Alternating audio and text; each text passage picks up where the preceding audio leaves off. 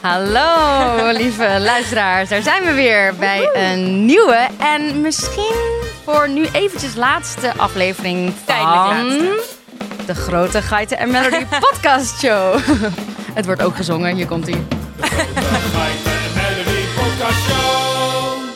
Dat is toch eigenlijk wel veel gezelliger, Ja. iemand die dat gewoon zingt. Maar goed.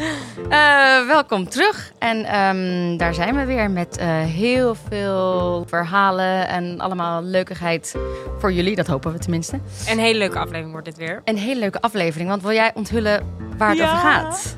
Ja, we gaan een tweede versie doen van een Old Hollywood aflevering. Dus Woep, woep, woep. twee nieuwe verhalen. En eh, we, hebben, we hadden allebei op Instagram iets gepost of jullie nog leuke ideeën hadden. En we hebben heel veel mailtjes binnengekregen. En we Bedankt dat- daarvoor. Ja, Superleuk superleuk. om dat allemaal te lezen. En we merkten dat de Griekse mythe aflevering en de Old Hollywood aflevering allebei naar meer vroegen. Dus Ja, eh, we beginnen waren. met Old Hollywood. Superleuk. Ja, daar kunnen we eigenlijk gewoon een, een, überhaupt een hele podcast een boek over schrijven. boek over schrijven. Nou, maar eh, ja, we hebben nu gewoon weer allebei eh, een onderwerp uitgekozen Ja. waar we ons in hebben. verdiept. Maar zullen we beginnen met de eye-pitch? Oh ja, de iPitch. Eh Wil jij beginnen? Ehm, is goed, ja. Oké, ik zet wekker hem aan.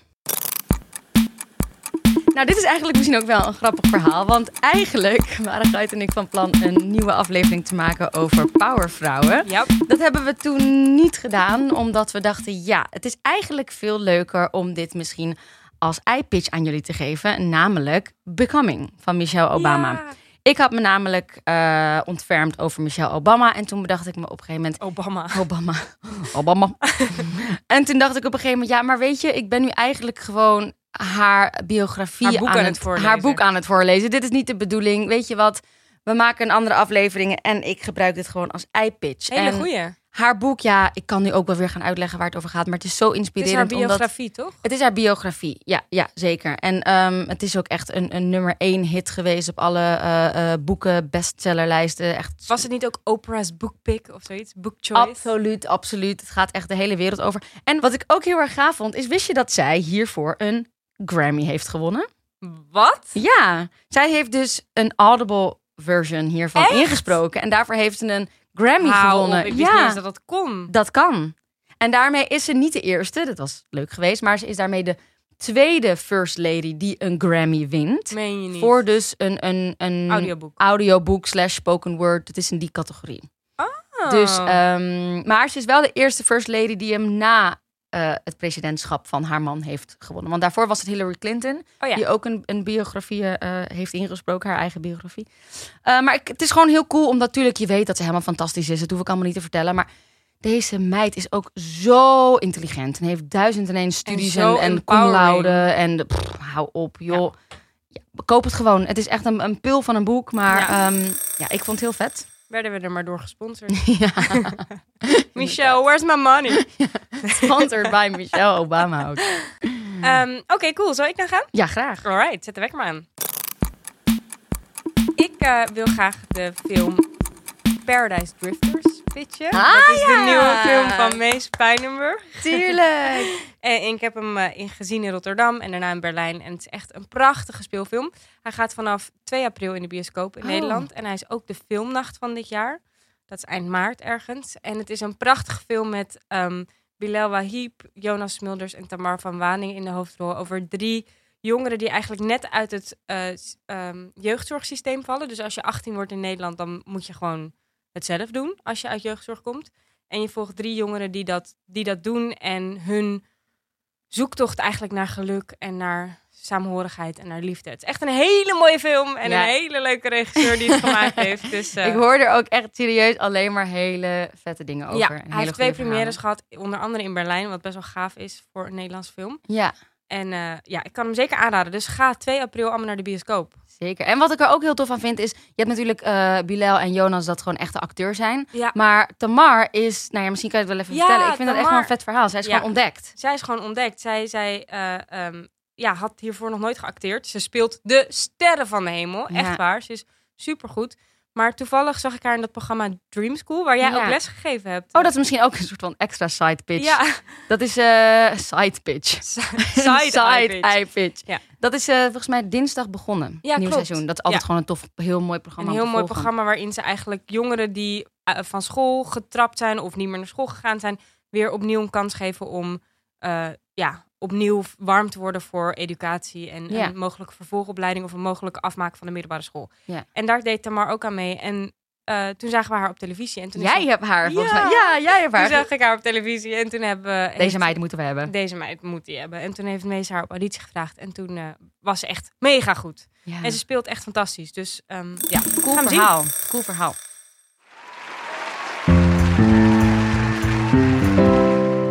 Oké, maar we hebben ook nog genoeg informatie over de aflevering. Dus Oh God, zullen we doorschakelen naar... Yes. Hollywood.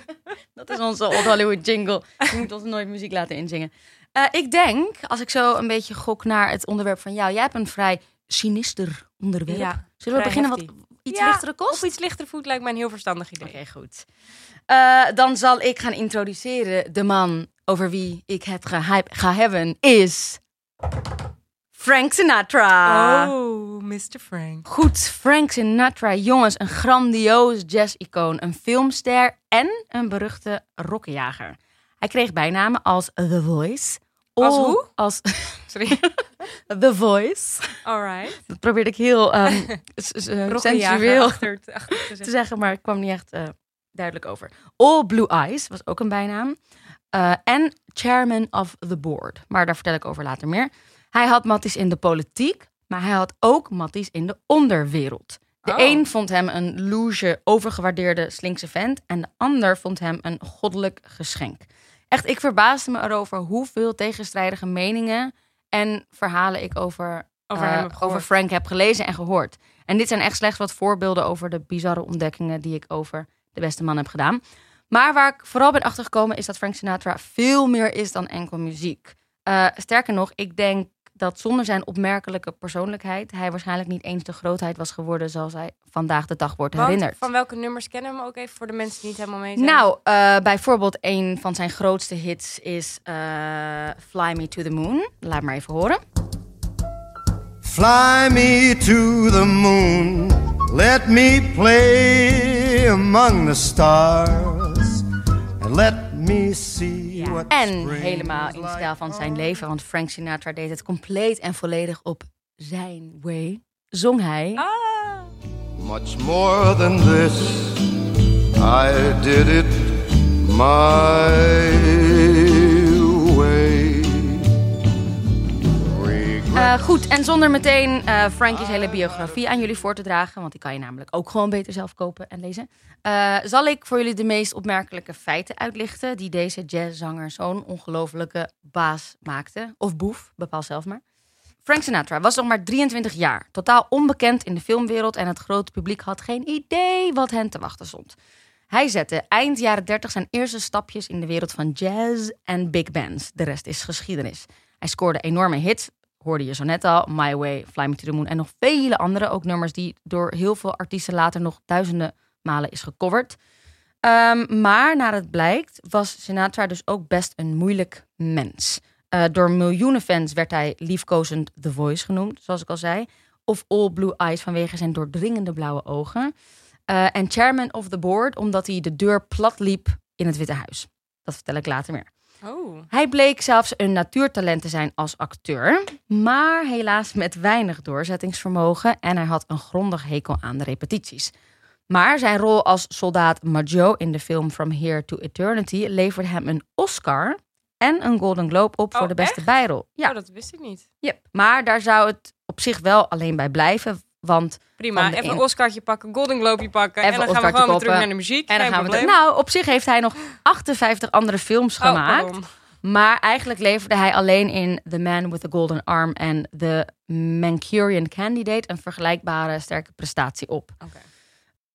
De invloed van radio-uitzendingen die zijn opkomst maakten door heel, en door heel Amerika te beluisteren waren, ontwikkelde ehm, hij zich in korte tijd tot een van de geliefde crooners van de jaren 40. Wat is een crooner? Ja. Een crooner is volgens Wikipedia een zanger, meestal een man, die een ontspannen en intieme houding heeft en zingt met een zachte lage stem. Oh my god.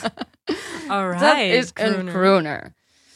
Ehm, in de jaren 40, toen er nog nauwelijks sprake was van echt grote en populaire zangers, werd eh, Frank dus gebombardeerd tot ster. En daarmee werd hij de eerste grote tieneridool. Later volgden, uit, volgden uiteraard andere grote namen, zoals de Beatles, Elvis Presley, Backstreet Boys en Justin Bieber. Maar Frank was eigenlijk echt de allereer- allereerste. En hij was zelfs zo populair dat wanneer het sneeuwde, meisjes vochten om zijn voetafdrukken die ze Nee, mee naar huis namen en bewaarden in de koelkast. Doe normaal. Ja, een journalist zag het destijds met zijn eigen ogen gebeuren. Bizar. Yes. Ehm, aan charisma ontbrak het hem zeker niet. In zijn donkere, bronstige stem kon hij zoveel emotie en betrokkenheid leggen. Daar stond hij dan echt bekend om, als crooner. dat het leek alsof hij zijn lied alleen voor die ene luisteraar zong. Bovendien was hij de eerste zanger die wist hoe hij met een microfoon wist om te gaan. In, in zijn handen was het net een lichaam van een vrouw. Oh, well damn, Frank. Yes, he was a naughty little fella. Eh, maar wie dacht dat dit hele tieneridol gebeuren allemaal vanzelf ging, heeft het goed mis. Dames kwamen bij Columbia op auditie om te testen hoe hard ze konden gillen. Nee joh. Ja, waarna ze eh, op strategische plekken in het publiek werden gezet. Oh, Alles om de rest van de fans maar mee te krijgen. Eh, ook het flauwvallen is regelmatig in scène gezet om zo een buzz op, op gang te krijgen. Wat slim Zo en slim. weird. Zou dit ook bij de Beatles gedaan zijn? Eh, nou ja, ik denk dat hiermee gewoon een soort stempel werd gedrukt Ja, van zo van wat gek mag. Ja, Zo moet je je moet gedragen je als fan. als fan. Ehm, nou, de lieve, trouwe, o zo nuchter gebleven Nancy Barbaro, waar ik het zojuist over had, Franks jeugdliefde, eh, stond nog steeds aan zijn zijde. Inmiddels waren ze getrouwd en kregen ze samen drie kinderen: Nancy Jr., Frank Jr. en Christina. Toen Frank echt beroemd werd, verhuisden de twee vanuit hun kleine appartementje in New Jersey naar Hollywood. En al snel werd bekend dat Frankie het niet zo nauw nam met de huwelijkse voorwaarden en er lustig op losging. Tot groot verdriet van Nancy en het huwelijk liep dan ook uiteindelijk op de klippen in 1951. Oh, Nance. Ja, later zou Frank nog drie keer hertrouwen. Eerst met de actrice Eva Gardner en daarna Oh, met ja. de 30 jaar jongere actrice Mia Farrow. Oh ja. Oh, die meid. Zij heeft, zij heeft een, zij heeft pittig eens een keer in Ja, duiken, want in Mia Farrow. dat is ook wel een leuk verhaal. Want Mia Farrow was toen 21, toen ze met Frank ging, die toen Mhm. 50 was. En die kreeg na Frank een relatie met de regisseur Woody Allen. En We eh, moeten echt eventjes een keer Mia Farrow gaan duiken. klopt, want, Want Mia een Farrow werd door Woody Allen weer bedrogen met hun, daar komt hij, Stiefdochter. geadop nee, geadopteerde, Geadopteerde dochter. dochter. Zo heet ze. Eh, waar, waar Woody trouwens tot op de dag van vandaag nog mee samen is. Maar het is heel raar. hè? Dus dan, dan heb je samen een, een dochter geadopteerd. Ja, dat en kan dan niet. gaat Kan niet. Nee, Kan kan, niet. niet. Maar goed, it happened. Poor eh, eh, Mia Farrow. ehm, weer terug naar Frank Sinatra. Tot aan zijn dood in 1998. Dat vind ik zo bizar, want in principe Oh, ja. waren wij er toen al. Oh, ja. En toen was hij er dus ook nog. Eh, Vond ik even leuk. Ehm, was hij met zijn laatste vrouw, Barbara Blakely. Goed, hij was dus een notoire rokkenjager voor wie niemand veilig was.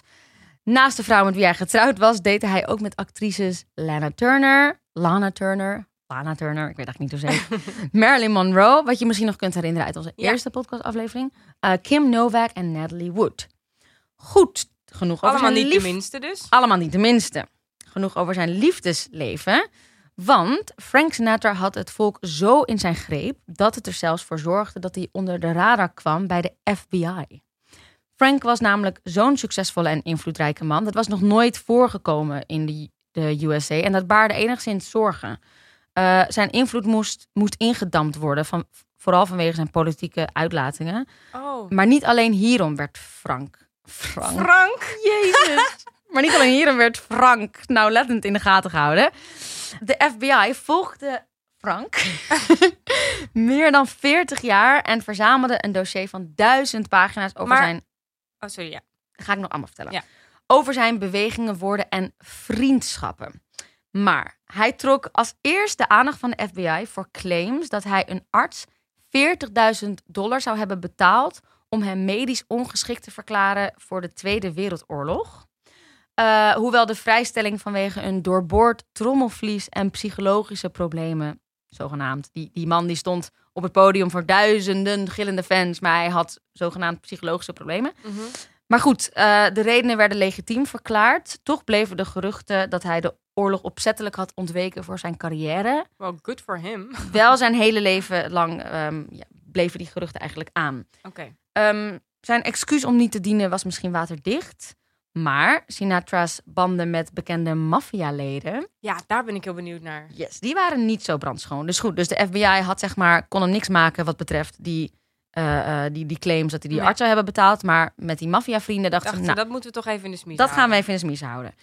Ehm, tuurlijk, hij ontkende altijd dat hij verbonden was met de maffia. Maar hij had wel contact met hele beroemde maffiafiguren. Zoals de maffiabaas van Chicago, Sam Sankana.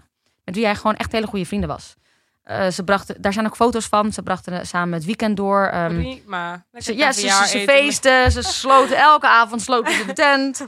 En hij verontschuldigde zich er ook niet voor. Ehm, dat waren zijn vrienden. Het, het feit dat ze, dat ze, dat, dat ze ze dat bekende deden, moordenaars waren, dat maakte hem niet uit. Het, Maar hij hem- kwam wel ondertussen in het Witte Huis. Ook dat nog. Ehm, maar Sinatra's verweer luidde gewoon stevast... ik kan niet iemands verleden controleren als ik hem voor het eerst de hand schud. Nou, oké, fair enough. De FBI deed dat wel. En onder leiding van J. Edgar Hoover... werd het in de jaren 40 gebruikelijk om het privéleven van dit soort invloedrijke mensen uit de showbusiness onder de loep te nemen. Dus Frank Sinatra was daarmee de eerste waarvan ze dachten: ja, oké, het volk kijkt zo tegen hem op en hij heeft zoveel vrienden in, in al die in de onderwereld en in, we moeten hem gewoon in de gaten houden. Maar uiteindelijk waren het gewoon alleen maar eh, vriendschappen. Maar goed, hij nam heel veel openbare foto's met echt bekende gangsters. En eh, daarmee deelde, ze ook, ja, deelde hij zijn passie, schokken, vrouwen, geld. Ehm, maar wat ik ook wel heel bizar vond om te ontdekken, is dat hij later wel aanbood om enkele van die criminelen te verraden. In 1950 Nee joh. ja, hij, eh, in 1950 eh, stuurde hij een medewerker van dus J. Edgar Hoover... eh, eh, stuurde hij een bericht om zijn diensten als informant aan te bieden. Waarschijnlijk in een poging om zichzelf tegen, te beschermen tegen die geruchten... dat hij betrokken zou zijn met de, de mob, de maffia. Dus hiermee Ehm, onderscheidt zich wel van echte maffia, want die verraden hun... eh, Nee, en ik dacht ook, hè, maar dan is het toch echt een wonder dat hij nog leeft. Want volgens mij is dat echt rule number one. ja. Maar goed. De FBI heeft geweigerd, overigens. Dus misschien is het ook allemaal gespe- Oké, speculatie. Eh, en een assistent van Hoover schreef: Wij willen niets met hem te maken hebben. Goed, dus ook vanwege zijn criminele gedrag werd hij niet vervolgd door de FBI. Dus dat was al een tweede ding waar ze net niet iets mee konden. Dus de FBI hield hem ook nog in het vizier voor wat zij beschouwden als verdachte activiteit met mogelijke banden met het communisme. Dat was toen natuurlijk in de jaren, ja, wat is dat, 60, 70 echt een mega ding. Eh, het, het, de, de, de war against communism eigenlijk en de Koude Oorlog in Amerika. Mhm. En eh, vanwege zijn steun voor antiracistische initiatieven van mensen die ervan worden beschuldigd communisten te zijn, werd hij dus door de FBI in de gaten gehouden. Eh, dus hij was niet alleen, zette hij zich in voor liberale doelen, maar hij was ook een van de oprichters van het comité voor het eerste amendement. En dat was een groep die de zogenaamde Hollywood Ten ondersteunde. En de Hollywood Ten eh, was een groep scenario-schrijvers en regisseurs die op de zwarte lijst stonden eh, nadat ze verdacht werden eh sympathieën te hebben voor de communistische partij. Dus eigenlijk, als je gewoon ook maar een beetje het imago had dat je een klein beetje richting het communisme week, Mhm. dan, dan was dat het einde van je carrière. En hij zette zich eigenlijk in voor die mensen van, yo, dit is super oneerlijk, want laat ze. Ja. Maar goed. Hele kleine side note. De FBI richtte zich niet alleen op de zanger zelf. ehm, maar hij was ook regelmatig het doelwit van mensen die hem wilden afpersen of chanteren. En eh, in 1963 werd zijn zoon ook ontvoerd. Oh, huh? Ja. De zoon van Frank Sinatra. Ja, Frank Sinatra Jr. Uiteindelijk zijn die mensen ook, eh, die ontvoerders zijn gevonden en veroordeeld. En ehm, op zich konden ze niet echt linkjes vinden met de, onder, met de onderwereld. Alhoewel ik nu denk, obviously. Maar Ja. volgens mij waren dat gewoon mensen die geld wilden. I don't know. Maar it happened. Ja. Inderdaad, wat je zei, hij was ook nog charismatisch met iedereen in het Witte Huis. En ook echt, nou ja, niet iedereen, maar wel met meerdere presidenten achter Geinig, elkaar. hè? Dat, dit, dit kan als je heel beroemd bent. Precies, en toen al helemaal. Ja, maar dat, dat is dus ook waarom ik het ook wel snap. Kijk, nu denk je, ja, oké, beroemd. Maar toen was het zo nieuw Ja, ja, dat je zeg maar beroemd was als entertainer. Misschien was hij wel een van de eerste die zo'n invloed... Kijk, als filmster ook, maar hij stond op het podium en hij werd toegeroepen door echt duizenden fans. Hij had, gewoon hij had gewoon echt te veel invloed. Ja. Goed, hij was echt meubilair in het Witte Huis. En hij was eh, hele goede vrienden met de democratische JF Kennedy. Met wie hij vele feestjes afging. En met wie hij dus ook eh, die die voorzag van advies en goede raad. En het schijnt ook dat eh, Kennedy en dus die maffiabaas Sam Senkana, waar ik net over vertelde, die deelden samen dezelfde minares. Zonder dat ze het Jezus. allebei wisten. En het was Frank die Kennedy aan deze dame had voorgesteld. Goed, dan ga ik nog even een paar leuke kleine feitjes opnoemen. Want we lopen alweer veel te veel uit en we moeten ook naar jouw verhaal. Maar wat ook zeker de moeite waard is om even te vertellen over Frank, is dat hij in de jaren, 40, in de jaren 50 en 60 bekend stond als de leider van de Rat Pack. En de Rat Pack is een groep artiesten, eigenlijk waren allemaal vrienden van elkaar. Mhm. En die groep bestond bijvoorbeeld uit, nou ja, Frank en Dean Martin, Sammy Davis, eh, Peter. La- ja, dat zijn eigenlijk voor ons niet hele bekende namen, maar vroeger was het ongeveer alsof je eh, Brad Pitt, George Clooney, ja, Matt ja, Damon, ja. die allemaal bij elkaar zetten. Eh, sterker nog, ze maakten niet alleen samen muziek, maar ze maakten ook samen films, waaronder Ocean's Eleven. Oh, Ik wist is dus het helemaal- begonnen? Ja, ik wist helemaal niet dat Ah. de film daarna met Wist George ik ook Clooney. niet. Dat, dit is dus gewoon een remake. Oh, wat geestig. En dus ook van, oh, dat zijn vrienden. Want Ja. George en Brad Ja. zijn toch ook niet echt vrienden en zo? ja, zeker. Ja, toch George en Brad? Ja, George en Brad en Matt en Brad en, en Fjord. Matt Brad. Matt en Brad zijn vrienden. Dus ehm, zij waren eigenlijk de originele Rat Pack. Right. Goed. Eh, Frank's laatste nummer was The Best Is Yet To Come. Oh. Gezongen op 25 februari in 1995. Deze zin is ook te lezen op zijn grafsteen.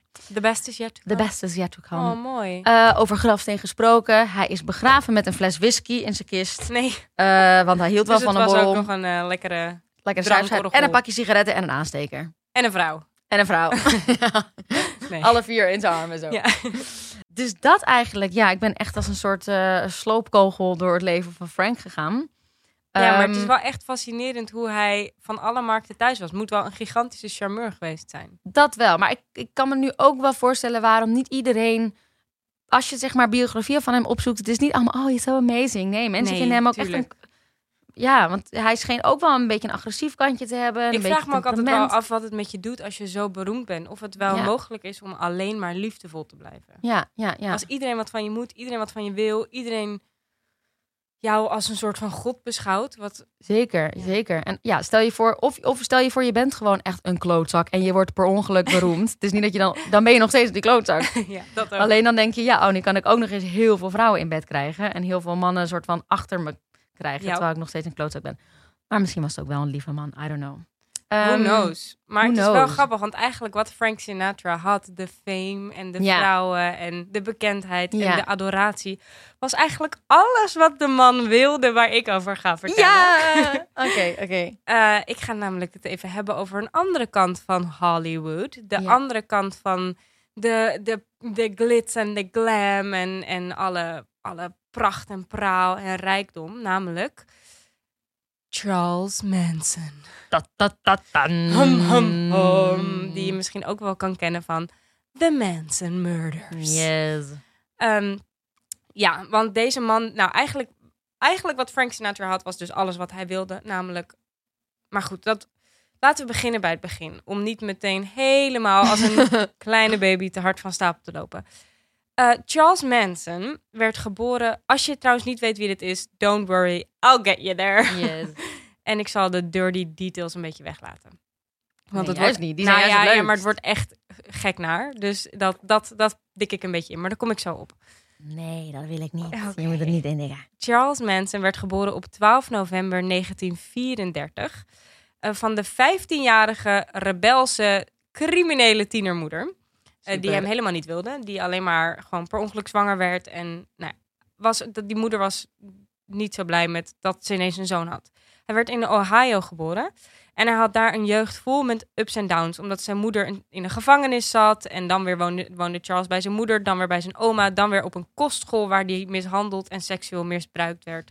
En dan weer als zwerver op straat. En hij werd klein van, was klein van stuk. Dus er werd veel misbruik van hem gemaakt. Eh, hij heeft zelfs een keer in een interview gezegd dat de verkrachting hem niet uitmaakte. Dus ja, ja. even om aan te geven waar die vandaan komt, dat verklaart hoe die Ja. wordt misschien. Ehm, dus hij leerde al op vrij jonge leeftijd hoe je eigenlijk gevaarlijker kan zijn dan de mensen die jou bedreigen. En zo is hij zelf een keer in de gevangenis beland. Eigenlijk de eerste keer in de gevangenis beland. Omdat hij wat- een aantal dingen had gedaan, zoals wat dingen had gestolen en dingen. Maar ook een mes op de keel gezet had van een 17-jarige jongen en hem verkracht. Maar Wat? Ja. Hij heeft hem verkracht? Ja. Oh, en Maar hoe oud was hij toen zelf? ja, ook piepjong. Oh, Maar hij kwam snij- vrij snel weer vrij vanwe- vanwege goed gedrag. En in 19... Meine Gute. I know. Ja, ik, ik, we moeten... Ja, Ja, ik leid hem even door zijn jeugd. Gewoon puur dat je een idee krijgt van, wie, van waar die vandaan komt. Weet je, ik laat superveel details weg, maar dat komt Omdat het zo'n fascinerend figuur is. Echt, ik heb deze biografieën, verhalen echt verslonden. Omdat ik ben zo gefascineerd door cult. Maar daar komen we zo meteen op, want daar zijn we nu nog niet. Ehm, maar hij werd dus vervroegd vrijgelaten vanwege goed gedrag. En in 1955 trouwde hij met de toen 17-jarige Rosalie. En samen kregen ze een zoon, Charles Manson Jr. Eh, en samen gingen ze naar Californië, waar Charles heen wilde omdat zijn moeder daar woonde. Maar eenmaal aangekomen in Californië werd het stel opgepakt omdat Charles in een auto reed die hij had gestolen. En zo belandde hij weer in de gevangenis. Eh, maar hij kwam weer vervroegd vrij wegens goed gedrag. Maar omdat hij vervolgens direct aan de slag ging als pimp. eh, Rosalie was inmiddels van hem gescheiden, want, die, want Charles had een tijd in de gevangenis en zij dacht, ja, boring. Eh, dus hij werd direct opgepakt als pimp en hij was met een prostituee. Dus toen moest hij alsnog zijn tien jaar gevangenisstraf uitzitten.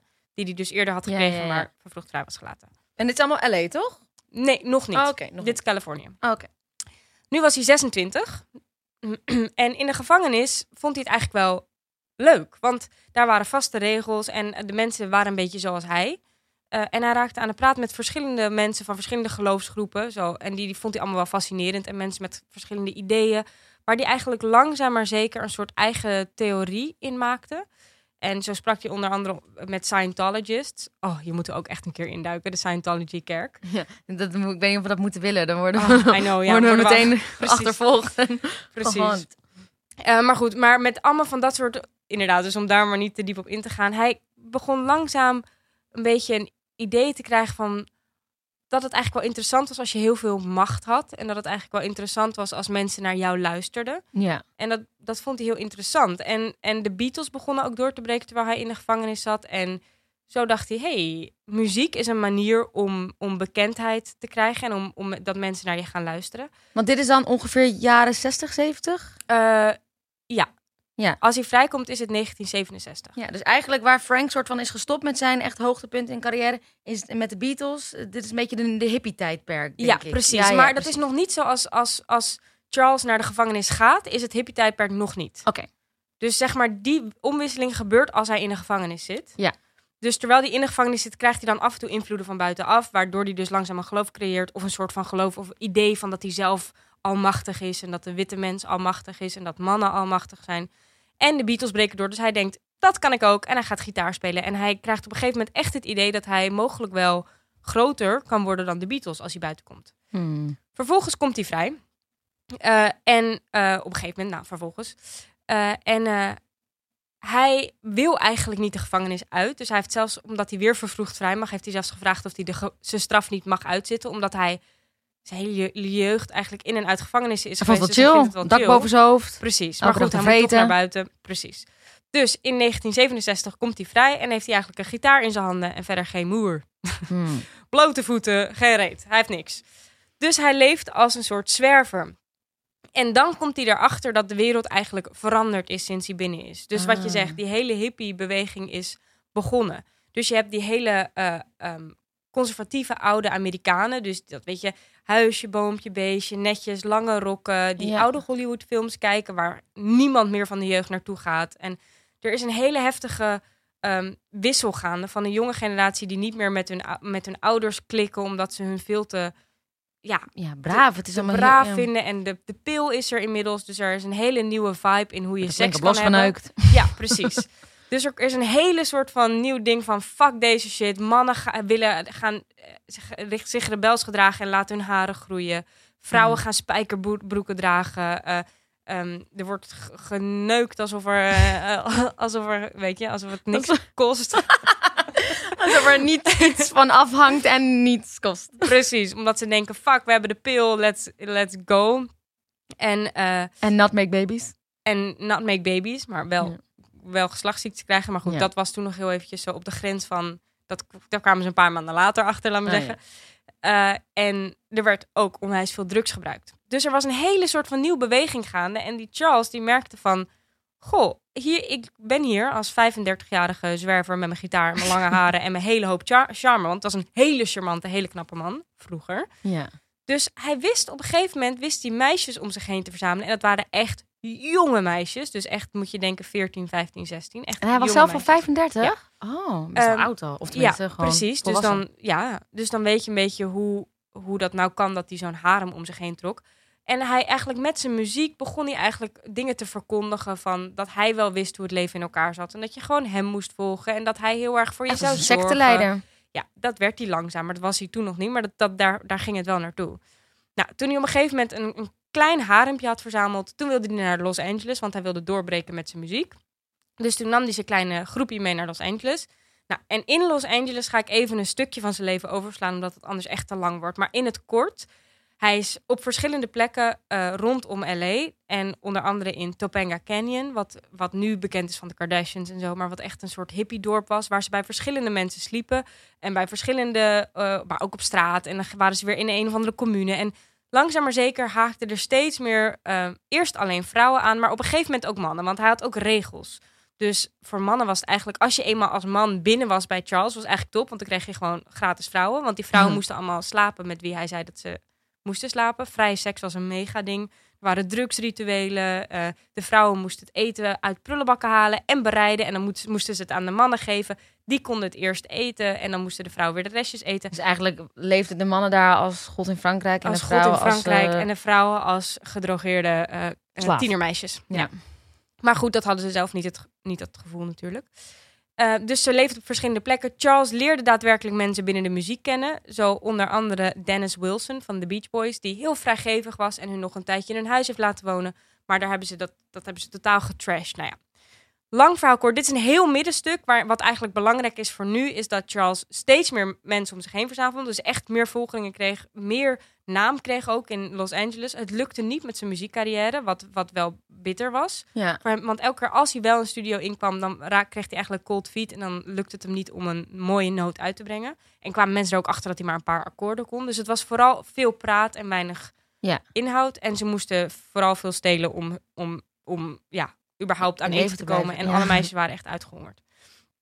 Ondertussen werd er wel al een babytje geboren. De eerste mensenbaby. Dat zou de eerste worden. Op 1 april was dat van velen. Ehm, en ongeveer, toen ongeveer eh, Charles Volgelingen uit 36 mensen bestond, om en nabij, zijn ze naar The Spawn Ranch gegaan. Of The Spawn Ranch, ja. Ja. Spreek het uit. Dat was een oude western Hollywood filmset. En de ranch, dus dat was gewoon bizar. Gewoon een Ja. oude films die ze hebben laten staan. ja, nou ja, niet helemaal. Er, er woonde nog iemand. Maar dat was dus een gigantische ja, landgoed eigenlijk. Waar, Ja. waar eigenlijk Hollywood dingen was gebouwd. Dus weet je, zo'n... Van die saloons en ja, van die zo'n saloon en een gevangenis. Dat was er dan gebouwd. Maar er werd echt nooit meer op gefilmd. Alleen heel af en toe een hele domme B-film kwam daar nog wel eens iemand. Nou, die ranch was ooit opgekocht door George Spahn. Een, een inmiddels 80-jarige, bijna blinde man. Heb jij de film Once Upon a Time in Hollywood zeker. gezien? Dan heb je gewoon... van Tarantino. Nou, als jullie die niet hebben gezien, dan, dan krijg je heel goed een gevoel van hoe die ranch eruit zag. En, ja. en, en, en ook een beetje een beeld van de mensen en meisjes. Want wat wel interessant is om te weten is, mensen was dus zo'n hippie. En al die meisjes waren over het algemeen mooie, jonge meisjes met lange haren. Waarvan je echt niet verwacht dat er gaat gebeuren wat er gaat gebeuren. Nee. Ehm, die set werd dus niet meer gebruikt. Die George Spahn, die, die verdiende inmiddels zijn geld met af en toe een paard uitlenen. En verder was hij vooral heel eenzaam en oud en blind. En de Manson family is eerst stiekem op die ranch gaan Omdat hij blind was. Omdat hij toch oud was en blind en whatever. Totdat op een gegeven moment wilden ze echt wel daar wonen wonen. En toen is, heeft Charles een van zijn meisjes naar George Spahn gestuurd. En die heeft gezegd van... eh, oh, ik ben hier met, met, met vriendinnetjes en mogen we hier even blij- blijven logeren, want onze auto is kapot, la la la, bla bla bla. We zullen ons heel goed gedragen. Nou, met wat tegenstribbelen heeft die man uiteindelijk toch ja gezegd. En toen, op een gegeven moment, na weer een paar weken, is Charles naar hem toe gegaan. En toen eh, heeft Span uiteindelijk gezegd, prima, woon op het land in ruil voor gezelschap, in ruil voor dat jullie het land onderhouden. En eigenlijk was die George helemaal in de band van die meisjes die ineens om hem Ja. heen giebelden en zongen en hem aandacht gaven en ook wel eens aandacht tussen de lakens. Dus hij was helemaal eh, oké eigenlijk. Ja. Dus Charles had het echt super goed bekeken. Hij zat daar met zijn volgeling, volgelingen helemaal super.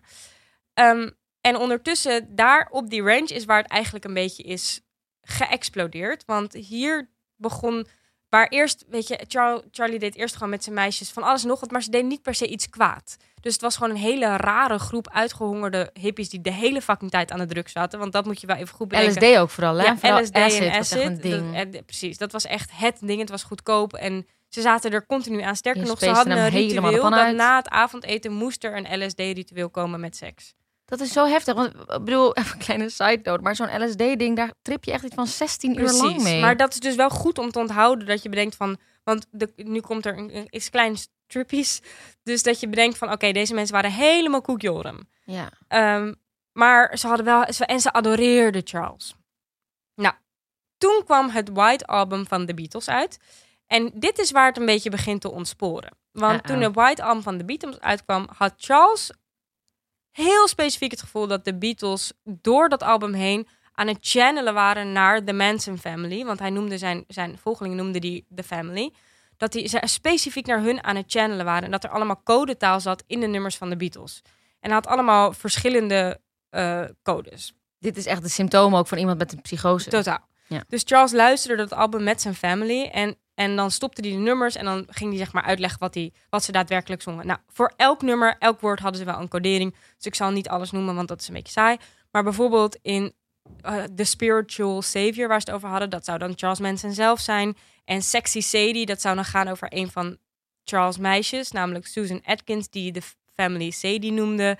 Nou, en zo was er een hele album waren er dingen. Maar een belangrijke om te onthouden is dat Helter Skelter, wat een nummer, zeg maar, van de Beatles, dat gewoon, dat was een, eh, volgens mij een, een skatebaan in Ja. Engeland, maar goed, dat wist Charles niet.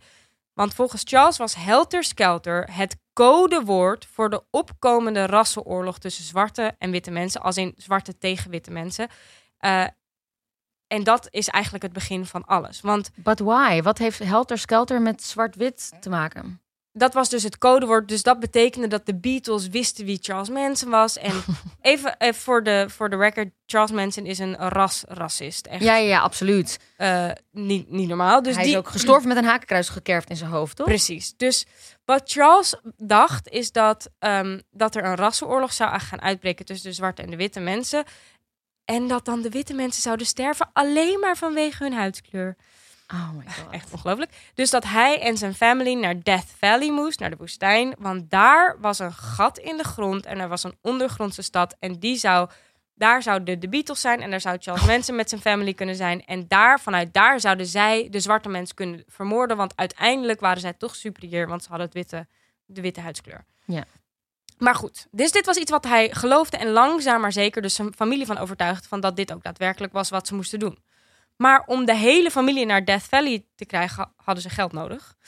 Eh, en nu gaat het beginnen, want nu ga ik het namelijk hebben over hoe dingen uit de hand liepen. Ze hadden geld nodig en dat is eigenlijk waar het begon. Om geld te verdienen maakte namelijk Charles Manson een drugsdeal met Bernard Crow. Een zwarte man die drugsdealer was en die Latsapapa werd genoemd. Dus die noem ik Ja. vanaf nu Latsapapa. Namelijk Charles zou 25 kilo wiet eh, voor, aan hem geven en dan zou hij 2500 dollar krijgen. Deze wiet bestond niet, maar mensen die had het hem ervan overtuigd dat hij hem eerst het geld moest geven en dat hij dan de wiet zou krijgen. Maar er kwam nooit wiet bij Latse Papa. Dus Latse Papa belde mensen op met het dreigement dat hij hem en zijn hele familie kwam vermoorden als er geen drugs kwam. Logisch, want ik bedoel, je gaat geen 25.000 dollar geven snap je, Nee. als er geen wiet komt. Maar mensen die En vertelden drugsdealers nou. Precies. En mensen vertelden vervolgens aan zijn hele familie dat de Black Panthers achter hem aan zaten. Waar overigens Latse Papa helemaal geen lid van was. Maar alle zwarte mensen waren volgens mensen hetzelfde. Dus ehm, mensen reden naar Latse Papa's huis en schoten hem dood. Nu, dit Dat hoort- was dus eerst... Nee, Ja, is officieel moord is dit zijn eerste moord, Oh ja. maar, maar het hoort niet bij de mensenmurders Nee. eh, maar goed, het is, eigenlijk, het is eigenlijk het begin van de sneeuwbaleffect. Nu dacht mensen dat hij wel beschermd... Nu, oké, nu dacht mensen dat hij in oorlog was met de Black Panthers. Nogmaals, Latse Papa was geen lid van de Black Panthers, maar voor mensen was allemaal Gewoon een complottheorie. Hij dacht gewoon... totaal. eh, dus ja. hij dacht nu basically, eh, alle zwarte mensen zijn gevaarlijk voor, voor mij. Maar hij had bedacht dat hij wel beschermd zou worden door de Straight Satans. Dat was weer een motorbende waarvan een lid wel eens bij hun op de ranch kwam om seks te hebben met de meisjes. En in juli 1969 woonde er een Straight Satan bendelid, ehm Danny DeCarlo, bij de mensen op de ranch. En hij maakte weer een deal met de music teacher Gary Hindman, die, waarbij, die, die- waarbij ze in Topanga wel eens sliepen. Oké, ik ga hier gewoon even doorheen, want eerst ga je denken, wat zeg je allemaal? Maar dan denk je, oké, ik snap het punt. Om een hele hoop drugs te kopen. En Bobby Bosoli, of Bobby Beausoleil, Bobby Beausoleil, zo zeg ik het Wie goed. kent hem niet? Wie kent hem niet? Dat was weer een vriend van eh, Charles Manson. Die moest, was tussenpersoon. En de Carlo die gaf eh Beausoleil 1000 dollar, eh, of nou ja, die die weer aan Hinman moest geven. Nou, anyway, er was een, het is een, even om hier niet te verwarrend over te worden, er was een, een drugsovereenkomst en die drugsovereenkomst gebeurde niet. Nee, het ging gewoon mis. Het ging Ja. gewoon mis. Dus wat Charlie toen deed, is die stuurde Bobby Beausoleil en drie van zijn mensen en familieleden naar de Hinmans. Dus naar de eh, muziekdocent, die er overigens echt vrij weinig mee te maken had. Om, geld op, om zijn, zogezegd zijn geld op te halen, wat niet zijn geld was. Eh, nou, daar is Hinman, dus de muziekdocent, enorm mishandeld door Bobby Beausoleil en de drie familieleden. En na uren mishandelen belde, belde belde mensen op van... ja, hij heeft geen geld, man. En toen heeft mensen aan de telefoon gezegd... you know what to do. En toen heeft Bobby Beausoleil eh Hinman vermoord... met echt enorm geweld en enorm mishandeling. En op de muur schreef hij political piggy. En in de hoop dat dit dan zou verwijzen naar... De, alsof de Black Panthers dat gedaan hadden. Oh ja, ja, ja. Maar hij wilde dit- het gewoon in hun schoenen schuiven. Precies. Maar dit werkte allemaal niet. Bobby Beausoleil werd vrijwel direct opgepakt en, en vastgezet. En dus het, er was helemaal geen verwijzing naar de Black Nee. Panthers. En het was gewoon een moord for no reason. Maar dit is even een belangrijke moord. En de details zijn even iets minder, minder, belangrijk. Want dit leidt namelijk naar de zogezegde mensenmurders. Want op de ranch werd er vervolgens gepraat van... Holy shit, Bobby Beausoleil is gepakt. Hoe kunnen we hem bevrijden? Want hij hoort bij de familie. Eh, dit is helemaal uit de hand gelopen. Oh my god, hoe kunnen we dit doen? En toen ineens kreeg de familie een zogezegd briljant plan. Want ze hadden namelijk een film gezien waarin een moordenaar werd vrijgelaten toen er al snel na die moord een moord werd gepleegd die leek op die eerste moord. Ja, ja, zodat ze denken, oh, maar dan moet de, moet de dader nog op vrije voeten lopen. Want er is exact zo'n moord gepleegd. Dus ze hebben de verkeerde gepakt. Precies, precies dat. Dus de Manson family, nogmaals bestaande Dat is uit wel een mindfuck. Je gaat je eigen moord copycatten, zodat je een copycat Ja. faked. Nee, maar ja. Nou, eh, allemaal niet slim, maar goed, het bleek ook niet slim. Eh, maar goed, die mensenfamilie, dus bestaande uit voornamelijk tieners die helemaal koekeloekie aan de druk zaten, bedachten dus van, oké, wa- wat wij moeten doen is meer mensen vermoorden en dan met bloed op de muur teksten schrijven, want dan gaan ze Bobby Beausoleil vrijlaten, want dan zien ze dat hij onschuldig is, wat hij niet is. Ook zo'n megastap. Hoe ga je van seks en drugs naar hele heftige moorden en I bloed know. op de muur schrijven? Genoeg drugs, denk ik. Ja. Genoeg drugs. En gewoon gekte. Dus op 8 augustus 1969 stuurde Charlie vier familieleden naar een huis in de Hills. Ehm, Charlie zei tegen Tex Watson, die een van die vier was, zei... Just totally destroy everyone in the house and make the crime scene as gruesome as possible. Ja. Ook Dus- lekker zelf niks doen. Ja, dus Charlie alleen. stuurde, stuurde naar een huis. Maar ze, hij stuurde ze niet zomaar naar een huis. Hij stuurde ze naar een huis wat hij kende. Namelijk van, eh, dat huis was ooit geweest van platenproducent Terry Milger. Waarvan Charlie dacht dat hij hem beroemd ging maken. Maar dat is nooit gebeurd. Dus dat was nog een soort van wrok dingetje. Dus hij dacht, hij is rijk en een lul. Dus we gaan naar dat oh, huis. dus hij was ook echt van plan hem eigenlijk ja, maar te die laten persoon woonde, woonde er niet meer. Eh, dus de auto met vier... Was misschien wel handig geweest om het even te checken wie er nog woont. echt niet. Echt maar wa- meer dingen waren wel vrij handig geweest, maar goed, dat hebben ze allemaal niet gedaan. Dus de auto met vier mensenleden, die kwam iets na middernacht aan. Ehm, en daar hebben ze eerst een 18-jarig jochie eh, doodgeschoten op de, op de front porch, die op, zoek was geweest, op bezoek was geweest bij eh, het tuinhuisje. Dus eigenlijk niet eens iets met het huis te maken had. Over deze jongen wordt ook nooit zoveel gesproken, maar die is ook vermoord Zo eh, lullig ook. onderweg ernaartoe. En Net even een verkeerd moment, verkeerde, verkeerde tijd. moment, verkeerde tijd. En toen is de, de Manson family, die op dat moment bestond Maar wacht uit... even, want het is inderdaad, over dat jongetje wordt te weinig gesproken. Maar die is gewoon hartstikke doodgeschoten Ja. op, op 18-jarige leeftijd. Ja. Omdat hij dus gewoon... Omdat hij op bezoek was bij de eigenaar van het huis die in het tuinhuis woonde van, eh, van dat... eh, landhuis, want het is natuurlijk allemaal villa's Het daar. zijn allemaal villa's, ja. En zij dachten gewoon... Nou, gewoon, nee, ze moesten alles, alles destroyen, dus dat hebben ze gewoon gedaan. Dus ze zagen Mhm. een jochie lopen en dood. Maar het is niet alsof iemand gespaard is hoor. Want die, die familie die op dat moment bestond uit eh, Linda Kasabian, ehm, die hield buiten de wacht. eh, Susan Atkins en Patricia Krenwinkel. En dus Tex Watson. Die zijn vervolgens naar binnen geslopen via het raam. En binnen vonden ze eerst Wojciech Wrajkowski, een vriend van Roman Polanski, de filmmaker, slapend op de bank. Eh, nou, en nu zal, zal ik dus besluiten. Ik besluit om, om het iets. Ik zal een beetje details geven, maar niet te veel. Want het is echt Ja, doe. Ja, het is heel, heel, heel... Oké, nou, Susan gruwelijk, Atkins maar- bond hem vast op de bank. Terwijl, en terwijl hij tegenstribbelde, stak Susan Atkins hem een paar keer. Toen lukte het hem om weg te stribbelen naar buiten. Maar daar kwam hij Tex Watson tegen, die hem vermoordde. En om, om even aan te geven waarom ik sommige dingen weghoud. Deze beste man is tussen Susan en Tex 51 keer gestoken en twee keer geschoten. Ehm, Tex schoot ook Jay Sebring dood. Dat is een celebrity hairdresser die binnen was. Die is, en stak hem ook meerdere keren, zeven keer. Ehm, 51 keer, dan ben je echt gewoon... ja, dan ben je niet goed bij je, bij je hoofd. Abigail Folger was er ook. Dat was Frekowski's eh, vriendinnetje. Die kon, dacht te kunnen wegretten totdat ze dus Patricia Krenwinkel bij de, bij, de, bij de opening zag, want die hield de wacht. En die kreeg haar te pakken en die, die heeft haar ook samen met Tex weer vermoord. Die is 21 keer gestoken. En toen was er nog maar één iemand over en dat was Sharon Tate. De prachtige actrice en vrouw van Roman Polanski. En acht maanden zwanger van hun babytje. Acht maanden. Ja, en dit is echt zo naar. Dus hier, hier ga ik gewoon even snel overheen. Na eindeloos smeken de hele nacht of ze haar baby konden sparen, hebben ze Sharon en haar babytje, eh, ongeboren babytje, vermoord door haar 21 keer in de buik te steken. Ja. En om te het te laten lijken op de eerdere moord, wat ze dus van plan waren, hebben ze met het bloed van Sharon op de eh, muur pig geschreven. Ja. En op de voordeur. Om maar even naar deze, deze tijdsgeest te halen. Het is zeg maar zo... Even, even kijken, noem eens een hele grote actrice van nu. Eh, Angelina Jolie. Ja. Stel, het zou nu met haar gebeuren terwijl zij zwanger is. Dat kan echt niet. En dat zou in de krant staan. En dan staat er met bloed boven haar... Snap ja, je? dood, doodeng. Dus je moet even nagaan hoe bang heel Hollywood ook was. Want dat is Ja, wat of Jennifer Lawrence, iemand die jonger is. Want ja, gewoon precies. Echt, want was, het- ze was hartstikke jong. En de, Ja. hele, de, de hele tijdsgeest is hierna ook veranderd. Dit is echt het einde geweest van het blije, blije vrije hippie tijdperk, Ja. tijdperk. Omdat er dus de andere kant zo heftig werd aangegeven. Ja. Ehm, nou, goed. Dit is nog niet helemaal alles. Want de volgende dag stapte Charlie zelf in een auto... met dezelfde familieleden als de avond ervoor. Plus Leslie van Houten en Steve, oftewel Clem Grogan. Eh, zonder duidelijke bestemming hebben ze eindeloos rondgereden... totdat ze uiteindelijk een huis vonden in Los Feliz. Dat is ook een buurt in Los Angeles. En daar gingen ze een huis binnen wat Charles nog herkende... van waar ze ooit een feestje hadden gehad.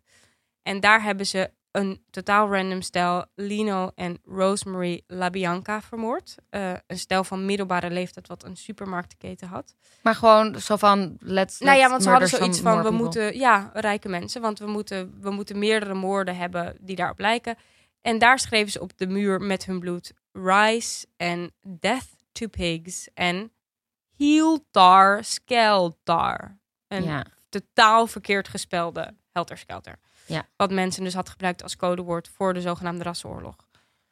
Nou, dan is er ook nog dit eh, apart, aparte verhaal. Namelijk Dus nog heel weken- even, om, om, Ja. om, de, om de luisteraars nog even, voordat ze het niet meer snappen. Nog steeds, pro- kijk, uiteindelijk was het gewoon een, een, een moordlustige idioot. Maar hij probeerde nog steeds, soort van, hij pleegde die moorden om het in de schoenen te kunnen schuiven van zwarte mensen. Ja, toch? dus eigenlijk, hij had eigenlijk meerdere soort van ideeën. Want het is eigenlijk een soort van wraak over dat hij nooit is doorgebroken als, ja, als ook dat is rockster. Dus het, Het is een racisme. Gedeeltelijk frustratie, het is een gedeeltelijk racisme, het is gedeeltelijk eh, rare superior- superioriteit, waarvan je Ja, rijke, rijke ja, en dan zo gezegd een soort van strijden tegen. Want heel veel jongeren kwamen toen op van dingen moeten veranderen. Weet je, neem even een actietomaat als heel mild voorbeeld. Ja, het was ja. een soort van fuck de grote gen of de oudere generatie. We moeten Ja. verandering. Jullie en jullie villa's. Dat was wel een beweging, maar niemand bedoelde dit. Dus hij heeft al van allerlei dingen eigenlijk misbruik gemaakt. Ja, inderdaad. Gewoon inderdaad de, de, de zwervende hippies die dan de, Ja. de rijke, succesvolle Hollywood mensen Ja. vermoorden. Ja, Ja, ja. En, en hij speelde heel erg in op het, want er kwam antisemitisme kwam ook op en er was ook al een heel rassending, weet je, de apartheid was, dat was, lag allemaal nog super gevoelig en daar speelde die op in. Dus Ja, iedereen was zeg maar alles. bang, zo gezegd, voor grote zwarte mannen, om maar even plat te zeggen. Ja. Maar niemand verwachtte van hele lieve kleine hippie meisjes dat ze dit soort dingen zouden doen. En ik denk ook dat het voor die, die, die mensen, family of die leden, het gaf hun ook een gevoel van een gevoel belangrijk te zijn, een gevoel iets te kunnen Ja, toevoegen, het- een gevoel inderdaad. Zo weird. Maar het, dit zijn wel echt geflipte, gestoorde mensen hoor. Want ook in, Ja. de, in de gevangenis later hebben ze allemaal eerst een soort van trots geclaimd dat ze alles hadden, dat zij Sharon Tate hadden vermoord. En ze praten allemaal zo. Dus echt heel raar als je filmpjes kijkt op YouTube. Ja, ja Ze- maar ze precies, ze, zijn nog steeds echt helemaal. privileged dat ze dat hebben mogen doen. Ja, nou, daar zijn ze gelukkig allemaal sinds als ze afgekikt zijn, zijn de, de vrouwen er over het algemeen wel op teruggekomen. Niet dat ze ooit vrijgekomen zijn, maar wel. eh, nou goed. Maar goed, nog even een klein ander ding. Want drie weken later op de ranch, en dit hoort dan officieel niet bij de mensen murder- murders, maar was Shorty Shea, dat was een stuntman die op de ranch bij de familie woonde, al heel lang. Die vond mensen een beetje verdacht. Want hij had het, mensen hadden het gevoel dat hij informant was naar de politie toe. Omdat de politie ging de range helemaal onderzoeken. En ze vonden de eerste keer niks. Maar ze waren wel de hele range aan het onderzoeken. Omdat ze natuurlijk hadden zoiets van wie de fuck heeft deze moorden gepleegd. Ja. En het enige wat we van Jordi Shea nog weten is dat op een avond eind augustus 19, dus die datzelfde jaar 1969, dat Jordi in een auto stapte met Manson, Clem Grogan weer, die ook bij de moorden was, en Bruce Davis, een ander iemand. Eh, en Jordi is hierna nooit meer levend, levend teruggezien. En het duurde acht jaar voordat ze zijn lichaam vonden begraven op de range, dankzij een tip van de inmiddels vastzittende Grogan. Oh, Dus eh, waarschijnlijk heeft mensen hem ook een kopje kleiner gemaakt. ja. Nou, het duurde nog een paar maanden voordat het de eh, eh, autoriteiten lukte om de juiste arrestaties te maken in wat toen de Tate LaBianca murders werden genoemd. En wat de zaak zou later nog miljoenen jaren besproken worden, nog steeds. En het kromme is dat Charles Manson dus eigenlijk kreeg waarvoor hij naar LA gekomen was. Ja. Eternal fame. Eternal fucking fame, Ja. bitches. Ja, er is zelfs, nou ja, je zei het al, eh, Once Upon a Time in Hollywood, de film van Tarantino, Ja. gaat hier Ja, gaat eigenlijk. hier ook over. En er zijn heel veel boeken op Ja. geïnspireerd. Er zijn, eh, hoe heet het nou? Er is nu, hoe heet dat nou? Mindhunters. Dat gaat ook wel over Tex Watson. En Ah, ja, nou ja, wat mensen ik heeft nog heel bijvoorbeeld- even om het af te maken. Mensen heeft zelf ontkend dat hij deze moorden ooit gepleegd heeft. Die heeft altijd gezegd, ik was, ik was er niet bij, ik weet van niks. Maar die is toch ter dood veroordeeld. En op januari 2017, dus om even na te gaan hoe erg deze persoon bestond terwijl wij leven, eh, stierf hij een natuurlijke dood op 83-jarige leeftijd in de gevangenis. En ook alle andere betrokken bij de moordzaak zijn of gevangen gezet of ter dood veroordeeld. Dus iedereen zit achter slot en grendel of is al dot. Ja, ja, ja, ja. Wat goed. Maar het is, ja, het is, dat was nog even om het af te maken. Maar ja, het is ongelooflijk. Het is heel veel. Ik had toen ik, toen ik die, die film keek van Tarantino, ik vond het een hele vette film, omdat ik dit verhaal dus kende. Ja, Maar ik kan me ook voorstellen, als je het verhaal van die hele mensen, murders, niet, niet kent en je gaat die film kijken, dan weet je eigenlijk niet echt waar je naar kijkt. Want Nee. heb jij, heb jij hem ja gezien? ik heb hem gezien. Dus je, je ziet zeg maar het verhaal wat jij nu hebt verteld. Mhm. Je ziet dat in een, Dat in een flits voorbij komen, maar er wordt bijna geen aandacht aan besteed. Maar ze komen wel even op die range met die meisjes. Je ontmoet... Je- Ja, je- en het gebeurt dus uiteindelijk niet. Dat is dus het vette Ja, dat is- aan. dat maar is ja, wat- zonder dat het is ja. wel een beetje een eh, hoe noem je dat? Spoiler. Een spoiler.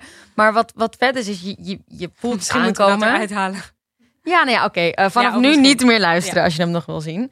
Maar dus alles wat Gijs heeft verteld, dus inderdaad die, die vier mensen die eh, bij die villa aankomen, Ja. net iets na middernacht, dat krijg je nog allemaal mee. Ja. Alleen krijg je dan in de film van Tarantino dat ze per ongeluk in een ander huis terechtkomen, namelijk het huis waar Brad Pitt woont. En dat Ja. is gewoon een fucking amazing stuntman. ja, was dus, het die, maar zo gegaan. dus die maakt ze gewoon, die maakt hen weer een kopje kleiner. En dan heb je, heb je als publiek natuurlijk, oh my god, was het maar zo Ja, gegaan. was het maar zo gegaan. En dan zie je dus. eh, Maar ik vind het hoe zo heet die ook alweer die eh, Sharon Tate speelt? Margot Robbie. Margot Robbie. Die volg je al de hele film en je- met die zwangere buik. Ja. En je denkt, oké, die gaat dus hartstikke dood. Ja. Einde van de film. En dan worden zij dus gespaard omdat Ja, gewoon die maar killers dit is wel echt met. eh, allemaal gekke spoiler. Ik weet niet of ja, nee, ja, ik, ik heb jullie gewaarschuwd. Je had, Ja. eh, maar dat is wel het vette aan die film. En ja. ik vraag ook wel eens aan mensen van, oh, maar wat ik sowieso die vet vind aan die film is dat je gewoon eh, ehm, dingen voorbij ziet komen die wel, zeg maar, even lo- nog los van het einde. Maar dat je bijvoorbeeld, je komt heel even op die Spawn Ranch. Je ziet Ja. even die George Spawn. Ja. Je ziet Brad Pitt gaat zelfs nog naar hem toe van, is dit oké? En dan heeft die George iets van, laat me met rust, ik ben oud, ik ben blind. Ja, Laat me chillen. En die Dakota Fanning speelt gewoon een van die, een, een van die echt bestaande meisjes Ja. die het meest met George Spawn omging om op die ranch te blijven wonen. ja Dus je ziet allemaal shit die gewoon echt gebeurt. Maar ik vind het zo fascinerend hoe mensen gewoon gebrainwashed kunnen worden in cults. En hoe dat, ik bedoel, dit is vrij extreem, maar hoe dat Ja. nog steeds gebeurt. Ja, en, zeker. en altijd zal gebeuren. Als je ook weer kijkt naar die Netflix-documentaire Wild Wild Country of zo. Even Ja. totaal iets anders. Maar het zijn gewoon wel allemaal vormen. Dit is uit de hand gelopen, maar het zijn allemaal vormen van cult. En dat is zo fascinerend dat als iemand maar genoeg doodeng. charme ook- en overtuigingskracht heeft, dat mensen naar je luisteren. En dat Ja. je gewoon een Welke, welke secte was het nou? Children of the, of the Sun? of Children Chil- of God. Children of God. Dat er iets van duizend nog wat mensen tegelijkertijd zelfmoord hebben gepleegd. Nee, oh nee, dat, is, dat, dat zijn niet die. Ja, dat klopt. Dat is weer een andere. Dat zijn niet Children of God, geloof ik. Want die, dat zijn weer allemaal kinderen die seksueel misbruikt Oh zijn. ja, ja, ja. Nou ja, anyway, je hebt van alles en nog wat. Altijd naar. Altijd narigheid. Oh, het is altijd narigheid. Maar eh, het is wel. Het is heel fascinerend. Ja. Het is heel Ja. fascinerend. Ja, zeker. Ja, maar ik- goed, dit was even het andere kantje van Hollywood. zeker. En het is, het is echt een verhaal wat iedereen eigenlijk zou moeten kennen. Of tenminste zou moeten kennen. Het Nou is, ja, nou het ja, is interessant. Het is fascinerend. Het ja, is maar ik had wel fascinerend wat er gebeurt als er dingen uit de hand lopen in, Ja. in de verkeerde, aan de verkeerde kant. Ja. Of überhaupt aan elke kant. En Hollywood is daar wel een soort van. Lijkt wel een soort van ketel waarin al- altijd alles kookt. En dingen gewoon een soort van gedoemd zijn om op wat voor manier dan ook uit de hand te lopen. Of mensen nou extreem beroemd worden in de positieve zin, zoals Ja. nu een Billie Eilish of zo, die dan binnen een jaar echt, die kan, Ja. die kan niks meer normaal doen. Nou, dat ja, maar toch dan, heb ik het gevoel dat het of de nu, Beatles dan. als we dan zo duiken in dat old Hollywood, al die, die, die gekke, crazy verhalen. Het is nu echt wel al een, een aantal jaren flink ingedampt. Nou, ik wat weet het niet, betreft, hoor. Ja, het is veranderd, maar en- ik weet het niet. Ik, ik heb het gevoel echt serieus met zo'n bijvoorbeeld een Billy of een Ariana Grande. Of, ja, het is, we moeten misschien eens een keer Hollywood van nu doen om erachter te komen hoe dat echt zit nu. ja, maar zitten die niet gewoon lekker elke avond heel veilig voor de tv te Instagrammen? Nee, I highly doubt it. Wel? Ja. I don't know. Maar we gaan er een keertje induiken. Dat is leuk. Ja. Maar goed, voorlopig dus niet, want ik ben een tijdje weg. Dus we gaan even kijken hoe we dit gaan doen, want ik moet een film eh, opnemen. Dus we gaan even kijken hoe we dit gaan doen met de podcast. Mogelijk is dit de voorlopig laatste podcast. Of we gaan misschien een andere manier vinden om te kijken of we op een bepaalde manier door kunnen gaan terwijl ik weg ben. Maar ehm, dat betekent niet dat we jullie mailtjes en reacties op onze Instagrams niet lezen. Het Melody Klaver en het Gaite Jansen. Of mail ons naar de grote podcastshow dagenacht.nl. Yes. Want we altijd lezen het allemaal en we, we hebben daarom ook nog wat leuke afleveringen in, in ons binnenzakje voor eh, als we weer verder gaan. Zeker, zeker, zeker. En we danken jullie weer heel erg voor Ja, het we bedanken jullie luisteren. voor het luisteren. We moeten stoppen. Het is een lange aflevering, maar goed, jullie moeten er ook weer wat langer mee doen. Ja, het zijn ook flinke, Dus- flinke, flinke verhalen. Ja. En als je het niet leuk vindt, dan ben je waarschijnlijk al lang uitgetuned. Ja. Dus dat is ook. Dat, en als je Ja, er nog goed. bent, dan vond je het blijkbaar Leuk. wel leuk genoeg. Ja, Ehm, dus we hopen dat jullie eh, ja, ervan genoten hebben. En Ja, dank jullie wel voor het En voor luisteren. nu was dit dan ook het eerste seizoen gewoon. Nou ja, Eigenlijk soort van wel. hè? eigenlijk soort van wel. Ja, vind ik ook. High five, girl. High five. Pets. Oké, lieve mensen, heel erg bedankt voor alles. En Geit, heel erg bedankt dat je, dat je, dat je een geweldige, eh, hoe noem je dat? Collega-podcaster eh, eh, bent. Ja, was. Ja. Ja, tot, tot, de volgende keer. Tot de volgende keer. Doei. Joe.